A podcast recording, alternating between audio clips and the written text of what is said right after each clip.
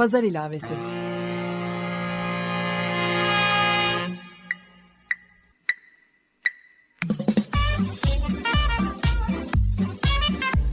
...1936'dan günümüze 80 yıllık bir zaman tüneli.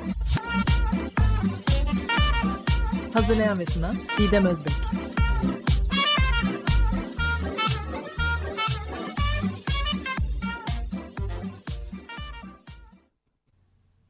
İyi akşamlar sevgili Açık Radyo dinleyicileri. 1936 gündemini günümüze bağlayan Pazar ilavesinin 49. bölümünü dinlemektesiniz. Ben program yapımcınız Didem Özbek bir konudan diğerine ilerleyerek sürdürdüğüm pazar ilavesine sergi kelimesinin sözlük anlamından yola çıkarak ve Sait Faik Abasıyan'ın Bir Karpuz sergisi hikayesinin ilk kez yayınlandığı 20 Mayıs 1936 Çarşamba tarihli Kurun gazetesi içeriğini günümüz gündemiyle ilişkilendirerek devam ettiriyorum. 2012'den beri üzerine çalıştığım çok katmanlı bir görsel sanat projesinin sözel çevirisini Açık Radyo'da sergiliyorum.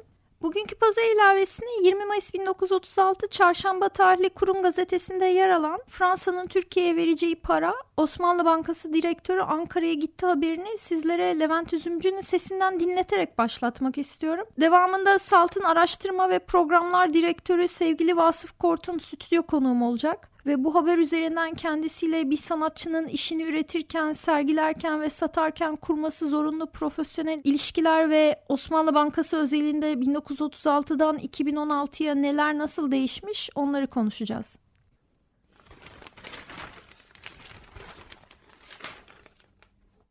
Kurun İstanbul Çarşamba 20 Mayıs 1936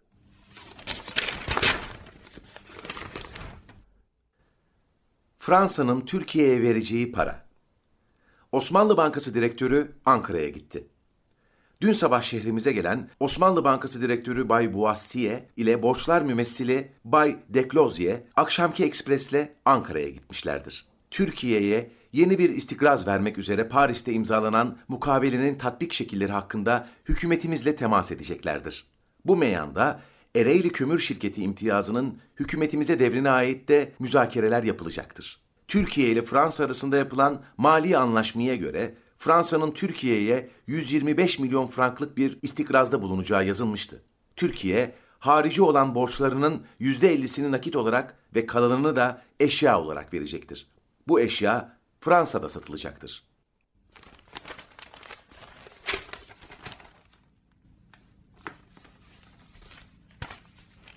Merhaba Vasıf, Pazar ilavesine hoş geldin. Biraz önce Levent Üzümcü'nün sesinden bu 20 Mayıs 1936 tarihli bir haberi dinledik. Osmanlı Bankası direktörü Ankara'ya gitti. Fransa'nın Türkiye'ye vereceği para. Bu haber aslında bütün bu projemin başlangıcına da beni geri götürüyor ve Pazar ilavesinin finalinde de seni konuk etmek benim için o anlamda önemli. Çünkü 4 sene önce başladığım projede 20 Mayıs 1936 Çarşamba tarihli Kurum gazetesinin içeriğini gördüğümde birçok haberin bugün güncelliğini koruduğunu görmüştüm. Bunlardan bir tanesi de Osmanlı Bankası ile ilgili haberdi ki tabii ki Osmanlı Bankası o günden bugüne büyük bir evrim geçirdi. Salt isminde bir sanat mekanına diyelim araştırma mekanına dönüştü. Ve bence hani Türkiye içinde çok önemli bir dönüşümdü bu. Kaç tane banka genel merkezi dünyada böyle bir dönüşüme sahiptir o da bence önemli vurgulanması gereken bir konu. Bununla birlikte ben 2012'de projemi şekillendirirken seninle konuşmak istemiştim. Çünkü kafamdaki projeyi senin anlayacağını düşünmüştüm. İkincisi gene bu Osmanlı Bankası Genel Merkezi'nin salta dönüşmesi, tarihsel süreçteki dönüşüm diyelim. Sana sormak istediğim sorular var. Soru sorular Soru. Şimdi Sait Faik Abasıyan'ın hikayesine geri dönersek işte Kimimiz bir sergiden ötekine dünyanın dört bir yanında sergiler açıyoruz. Yani ayda birkaç tane sergi açan sanatçılar var dünyanın dört bir yanında. Kimi de işte üretimini aslında sergileyecek yer ya da imkan bile bulamıyor. Bu iki grup arasındaki fark nedir sence sanat pratiğinde? Ya bu çok zor bir soru. Değil mi? Öyle ama bir sırrı var diye düşünüyorum. Yok bence sırrı yok. Yani e, şimdi bir şeyi yaparken onun karşılığını görmek, yaptığın zaman da karşılığını görmek aslında çok nadir olan bir şey. Yani bazı sanatçılar bunu görebiliyorlar. Birçoğu da göremiyor. Çok yıllar sonra görüyor. Yani şahit bile olamıyor. Ölmüş oluyor örneğin. Ama tarih uzun. Yani dolayısıyla anından, zamaneliğinden bakmamak gerekiyor. Tabii ki bu çok yani mutsuzluk verici bir şey olabilir. Bazı sanatçılar evet hani kiminin network'ü kuvvetlidir, ağ kuvvetlidir, ilişkileri kuvvetlidir. O ağların kuvvetli olmasıyla ağlar birbirlerine bağlanır. Dolayısıyla hani çok harika işler yapmazsanız da o günde görünebilirsiniz. Yani bu Türkiye sanatçılarında da var, başka yerlerde de var. Çok alışık olduğumuz bir şey. Yani çok araştırmanın zayıf olduğu bir zamanda hele hele sanat ortamında araştırma bence çok zayıf. Hep belli isimler üzerinde odaklanıp devam ediyor. Ama bu da şu değil. Örneğin mesela rahmetli Hüseyin Alptekin'i hatırlarsak hayatında kimseye hiçbir şeye satmadı aşağı yukarı. Yani arkadaşlarıyla olan küçük ilişkileri dışında. Ama şimdi TT yeni işleri girdi. Müzeum Modern Art'ta New York'ta yeni işleri var. Ondan önce 2-3 müzeye daha işleri gitti. Hüseyin bunun hiçbirini görmedi. Ama Kimi gene zaman de da zaman sonrası oluyor. Gene de hani onun kendi hayatındaki üretim ve hayatından sonra da doğru galeriyle çalışması vesaire ya da işlerinin orada nihayetlenmesi diyeyim. Bu Tabii. sonuca ulaştırıyor öyle değil mi? Yani bu işte adalet yok. Yani bu işte klasik ölçülebilir şeyler yok. Bu çok gelişi güzel bir ortam. Bir de piyasada öyle çok gelişi güzel bir piyasa diyelim. Yani piyasada denilebilir buna çünkü. Dolayısıyla bu ayrımı yapmak zor ama bu ayrımı bir zaman sonra benim gibilerinde illa ve illa buna dönmesi gerekiyor. Yani neden görünür değil? Görünür değilse ben onu nasıl görünür kılmasına yardım ederim ya da arkasındaki literatürü nasıl geliştiririm ya da bu çok alışılagelmiş bir ağlar bütününden birazcık çekilip meseleye başka bir taraftan bakabilirim. Bunun da ihtiyacını duyuyoruz. Tabii bu ihtiyacı duyarken de bunu böyle çok hani formal bir şekli bir ihtiyaçtan çıkmıyor olması lazım. Bir hakikatten çıkması. Yani hakiki bir ızdıraptan çıkıyor olması lazım. Sanırım o biraz daha fazla işliyor bugünlerde İstanbul'da. Bir de şu da var hani kuşaklar arası katı duvarlar var. Çok sert duvarlar var ki de buna normal başlı başına. Ama geriye doğru bakınca o duvarların o kadar sert olması kimsenin yararına olmamış belki de. Bu konuştuklarımız üstünden benim hemen aklıma projemin en başı geldi. Çünkü Salt Galata'da ben bir konuşma maratonu düzenlemiştim ve oradaki konuşmacılardan biri de rahmetli Cengiz Çekildi ve o hakikilik kelimesini kullandığı gibi aslında sanat pratiğinde hiçbir zaman o görünürlüğü ön plana koymadan üretimine önem veren bir kişiydi. Onu da Kasım ayında bu sene kaybettik. O ses kayıtlarını yayınlayacakken onu kaybetmiş olmak benim için hem üzüntü vericiydi hem de o konuşmayı kullanıma açmak, dinleyicilerle paylaşmak da ayrıca bir mutluluktu. Cengiz Çekil ya da Hüseyin Bahri Aptekin ölümlerinden sonra da aslında üretimleri bir ömür boyu diyeceğim o sonsuzluğa ulaşabilecek bir zaman birimi belki de kıymetini arttırarak sürdürecek. Evet ama işte o şeye dönmüyor. Yani o hakikaten yaşanılan zaman da hani bu benim söylediğim bir şey değil ama tekrarlayabileceğim bir şey büyük bir rahatlıkla yani eğer zamaneyseniz güncel değilsiniz. Sadece zamanesiniz. Zamanın beklentilerine cevap verirsiniz. Eğer güncelsiniz zamanlı bir derdiniz vardır, bir sıkıntın vardır. Uyuşamazsın. O uyuşamama hali de zamane olan kurumlar ve beklentilerle de uyuşamama hali anlamına geliyor. Dolayısıyla illa ve illa zamanı sorgulayan bir şey de güncel olmak aynı zamanda. Bunu yaptığınız zaman illa ve illa kurumlar tarafından ya da müesseseler, galeriler, şunlar bunlar ya da yani işini bir yerde kamulaştırmak yani kamuya açma konusunda zayıf olabilirsiniz. Ama onun zamanı her zaman geliyor. Yani illa ve illa muhakkak geliyor.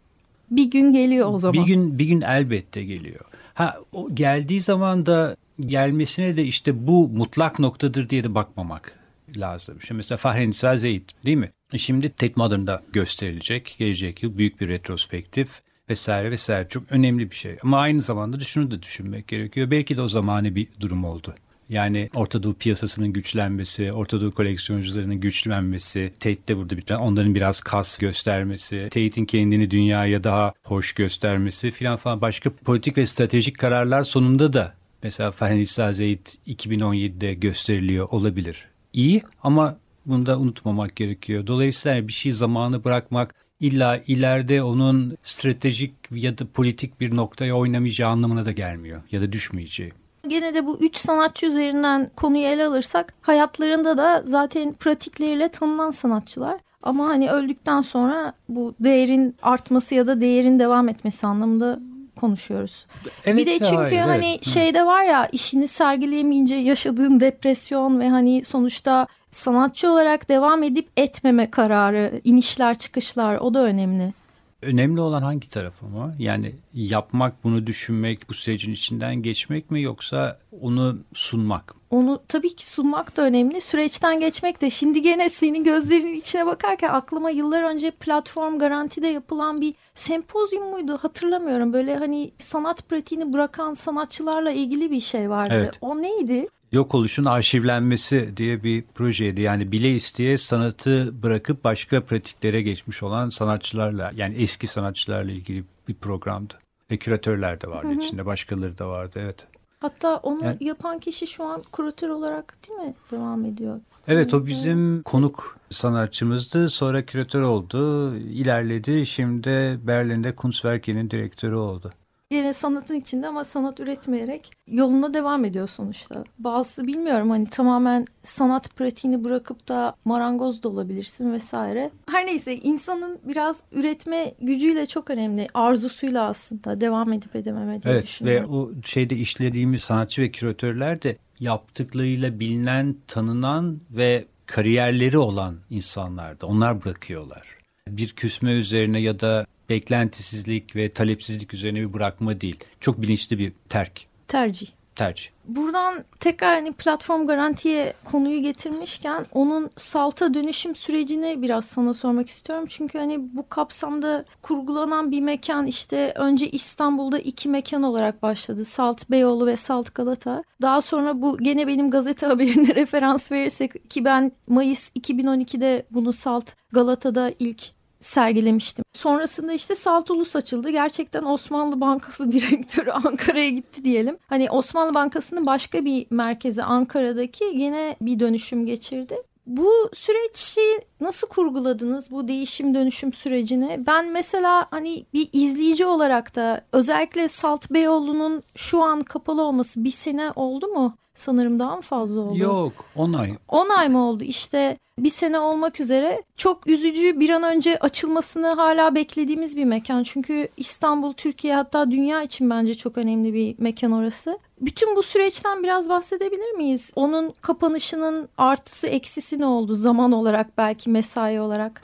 Tabii bu kuruluş süreci 2007'de başladı. 2011'de açtık. Dolayısıyla böyle 4 yıllık bir hazırlık var. Onu hani 3-5 kelimeye sıkıştırmam çok zor. Çok oyunculu, aynı zamanda zor, çok karakterli, çok insanlı. Bir vizyon çizilmesi, bir hedef belirlenmesi söz konusu. İşin çok net olarak belki iki noktası önemli. Biri bu yapıların tercih edilmesi, bu yapıların verilmesi bu işe. O önemli bir egzekutif bir karardı. Sonra bu yapıların bünyesine uygun nasıl hareket edebiliriz? O hem mimari hem tasarım hem program kararıydı. O tarafı çok önemli. Bir de öbür tarafta aslında biz bu işi kurarken, yapmaya çalışırken 2007-2011 aralığındaydık. Yani Türkiye'nin güzel zamanları diyelim, daha güzel zamanlarıydı. Çok daha güzel zamanlarıydı. Avrupa Birliği sürecinin işlediği, daha sivil bir ortamın yerleşmeye, yani oturmaya başladığı, Avrupa fonlarının açıldığı, belli bir hareketliliğin ve dinamizmin olduğu, monokültürden iyice iyice sıyrıldığımız, yeni kurumların açıldığı böyle güzel, iyi yönleri de vardı. En kritik nokta bünyeleri birbirinden çok farklı üç kurumu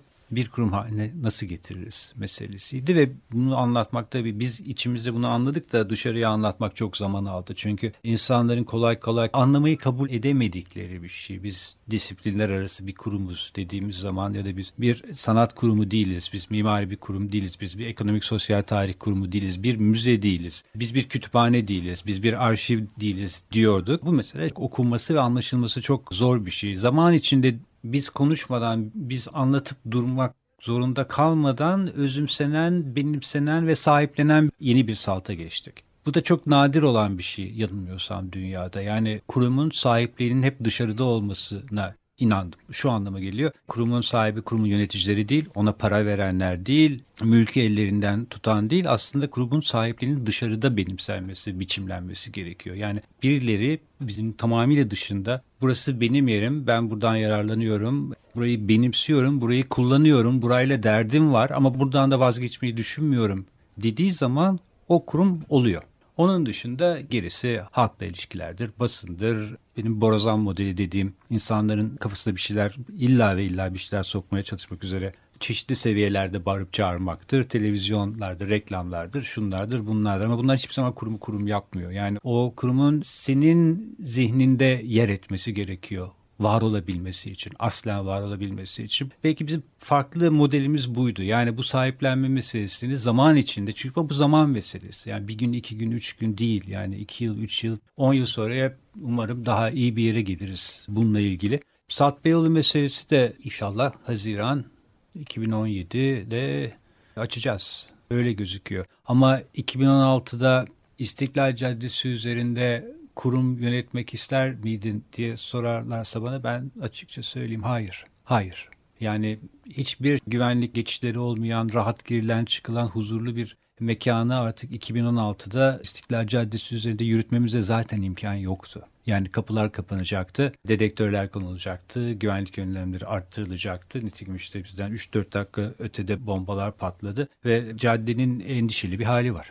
Bu bütün anlattıkların üzerinde beni gerçekten en etkileyen kısım da bu dönüşüm sürecinde Salt'ın kurucusu Garanti Bankası ve bir bankayı bu konuda ikna etmek gene hani İstiklal Caddesi'ndeki bir mülk üstünden ki sen mekanlardan bahsettin ya da Bankalar Caddesi'nde Merkez Bankası'nın ikiz binasının böyle bir sürece dahil olması mülk olarak bile aslında Türkiye'nin en değerli yapılarından bahsediyoruz. İçerik dışında sadece bina olarak ele alırsak ve hani bankanın buna ikna olup bahsettiğin gibi hani sadece destekçi olarak içeriye müdahale etmeden bu süreci gerçekleştirmesi bence önemli bir şey. Tabii ki bu banka desteği de aslında Türkiye'de hep tartışılıyor ama bir şekilde destek olmadan da bir şey yapamazsın. Hele ki böyle bir büyük yapıyı nasıl kuracaksın?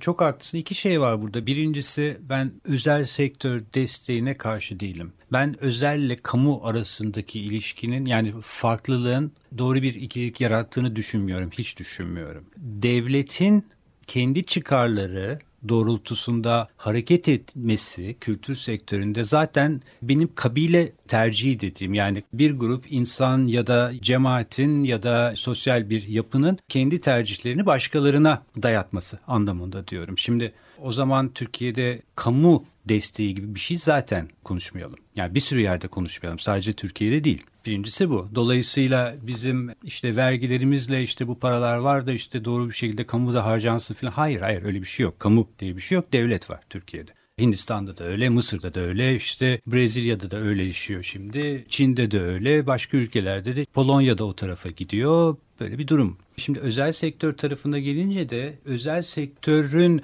desteği illa bir kabile çıkarı desteği anlamına da gelmiyor. Buradaki mesele özel ya da devlet arasındaki mesele ya şuradan bakmalıyız. Bence şirketler kısa ömürlü yapılar. Kısa çıkar yapıları, kamu devlet diyelim daha uzun ömürlü, daha uzun çıkar yapıları. Bir zaman farkı var ikisi arasındaki. Asıl kritik fark o.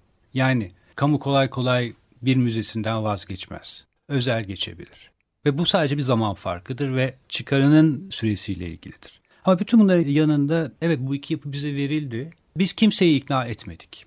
Zaten birini ikna etmeye çalışıyorsan o henüz ikna olmamış bir günde fikrini değiştirecek anlamına gelir. Bunlar zaten çok iknaydılar. Yani bu zamanda her şey iyi gidiyor, ekonomi iyi gidiyor. Bunu yaparsak şimdi yaparız. Bunu bu şekilde işaretliyoruz diye yaptılar. Biliyorsunuz yani kurumun hiçbir tarafında üstünüze gelen böyle isimler, logolar, şunlar bunlar da yoktur. Bu da bile isteye yapıldı. Çünkü bu Türkiye'nin kurumu. Bir daha söyleyeceğim bu Türkiye'nin kurumu. Özel bir kurum değil o anlamda. O şekilde de yaklaşılmıyor, o şekilde davranılmıyor, o şekilde de yönetilmiyor. Çok güzel bir an vardı yani bir iki saniyemiz varsa anlatayım. Lütfen. Çok kritik bir kırılma noktasıydı bütün bu toplantılarda. Eski Osmanlı Bankası Genel Müdürlüğü mü yoksa İstiklal Caddesi üzerindeki bina mı diye sürekli böyle kocaman bir toplantı işte yönetim kurulları, genel müdür falan böyle ağır bir toplantıdayız. O toplantı sırasında her iki taraf da görüşlerini anlatıyor. Taraf işte bu şık bina Osmanlı Bankası Genel Müdürlüğü binası müşteriler için de ne kadar güzel olur Hani klasik artı A, B vesaire grupları hayal ediliyor. Öbür tarafta da başka bir şey hayal ediliyor. Beyoğlu İstiklal Caddesi üzerinde. Bir ara genel müdür durdu ve şey dedi. Ben müşterilerimi dedi kazanmak istiyorsam bankacılığımda kazanacağım dedi. Bu işi buna karıştırmayın dedi. Biz dedi bu işi herkes için, olabilecek herkes için istiyoruz dedi ve tartışma orada bitti. Ondan sonra da biz okey almış olarak öyle başladık şimdi. Şimdi konu banka ve paraya geldi. Eyvah. Karşımda sen varsın. Tekrar bu aslında hani Fransa'nın Türkiye'ye verdiği paraya 1936'daki kurundaki habere dönüyorum. Çünkü yakın zamanda gazetelerde bir haber okuduk. Avrupa Birliği'nin Yaratıcı Avrupa Fonu'nun Türkiye bir parçası olmaktan vazgeçmiş diye ki geçen haftaki pazar ilavesinde de ben gene 1936'da yer alan bir sinema haberinden işte Hayati Menfaatler Bulgar filmi Türkiye-Bulgaristan ilişkilerini bozmayacak mahiyetteymiş diye bir haber vardı. Yakın zamanda gene anlaşıldı ki bu fondan çekilmenin sebebi Türkiye-Ermenistan geçmiş tarih işte Büyük Göç isminde bir proje yüzünden oluşmuş. Sen gene SALT üzerinden bu fondan destek alan Türkiye'deki yapılardan birini yönettiğin için sormak istiyorum. Bu hani Türkiye'nin Fransa'ya verdiği para ya da Fransa'nın verdiği Türkiye'ye para çünkü bir havuz olarak işliyor öyle değil mi bu tip fonlar? Ne olacak? Çünkü sen gene gazetede kültürün barıştırma, müzakere ve birbirini anlama ve birbirinden öğrenme gibi çok güçlü bir araç olduğundan bahsetmiştin. Ve ikna edebilmemiz gerektiğini söylemiştin. Demin de ikna için de inanmazlarsa ikna edemezsin gibi de bir cevap da verdin öncesinde. Nasıl peki biz var olabileceğiz bu gidişatta onu hakkında ne diyeceksin?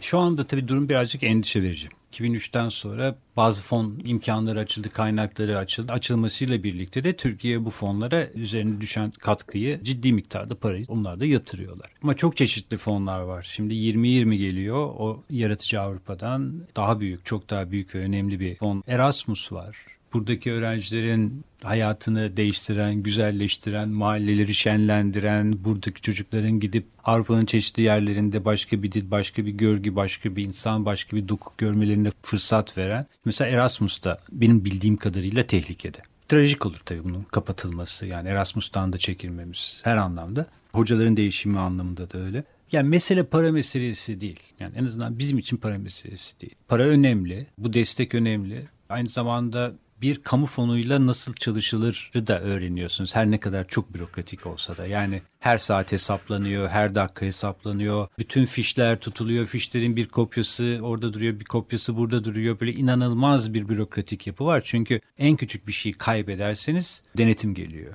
Denetimin de saati 200 euro mu öyle bir şeydi. Yani ceza ödüyorsunuz anında. Üstelik kazanmadığınız para üzerinden ceza ödüyorsunuz. Hesap verilebilirlik mekanizmaları çok güçlü, raporlama çok güçlü. Dolayısıyla işi çok dikkatli iyi bir şekilde yapmak zorundasınız. Bu da muazzam bir bilgi aynı zamanda. Şimdi bir, bir bilgi tarafı var. Bunu öğrenme tarafı var bizler için. Hani üçleri aldım harcayayım gibi bir şey değil. İkincisi ilişkilerimizi güçlendiriyor.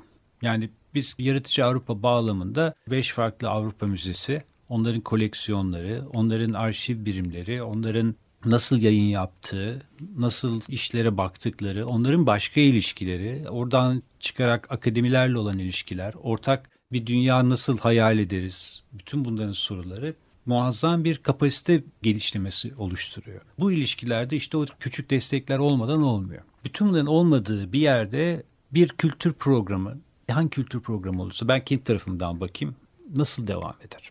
İçine kapanma meselesi var gittikçe yerelleşiyoruz. Milli Türkiye'deki yerli. programlara dikkat et şu anda. Gittikçe yerelleşiyoruz. Yani Sakıp Sabancı Müzesi yerelleşiyor, Pera yerelleşiyor, İstanbul Modern yerelleşiyor, biz yerelleşiyoruz. Yani büyük oyuncular diyelim tırnak içinde olarak. Bu sadece yaratıcı Avrupa değil, bütün içinde var olduğumuz ortak durumdan dolayı. Tamam yeril değerlendirmekle ilgili hiçbir sıkıntımızın olmaması lazım ama yıllar yıllar öncesi olan bu kapalı ortama dönmek ve bu kapalı ortamın bizim ufkumuzu da ne kadar kapatacağını biliyor olmamız gerekiyor. Yani çok çeşitli şeyleri var bu fonların kesilmesinin.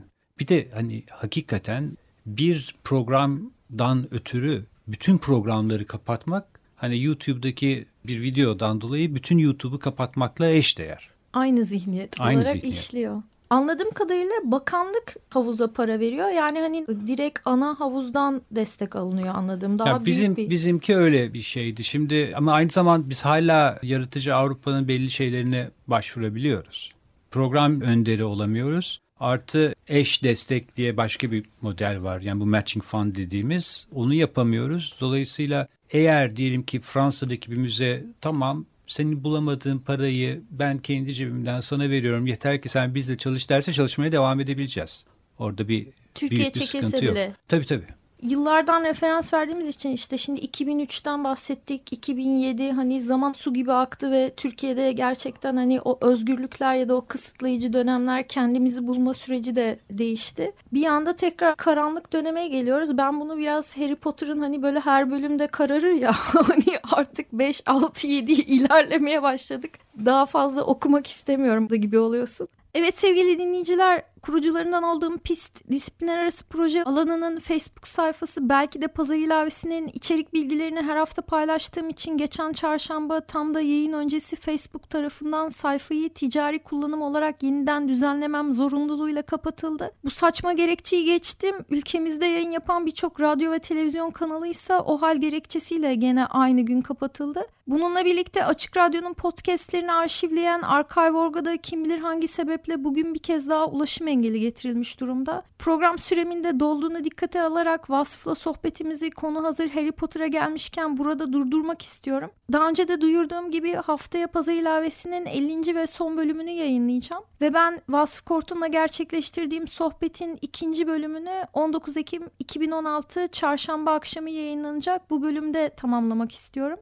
Bir bakıma bir araştırma süreci olarak da sizlerle iki yayın dönemi ve bir sene boyunca Açık Radyo, Açık Dergi'den ses dalgaları aracılığıyla sergilediğim Pazar ilavesinin içeriğiyle ilgili bilgileri Pazar ilavesi Twitter, geçmiş bölümlerin podcastini ümit ediyorum pek yakında tekrar Açık Radyo.com.tr ve hali hazırda Pazar ilavesi blogspot.com adreslerinden dinleyebilirsiniz. Ben Didem Özbek haftaya son bir kez pazar ilavesinde sizlerle görüşmek üzere. Her şey kapansa kapatılsa da bizler çalışmaya, üretmeye, paylaşmaya ve yaşamaya devam edeceğiz diyorum. Haftaya kaldığımız yerden devam etmek üzere.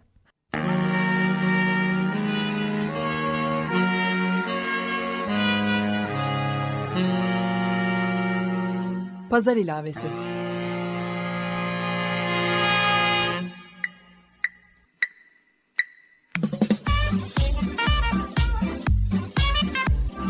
...1936'dan günümüze 80 yıllık bir zaman tüneli. Hazırlayan ve sunan Didem Özbek.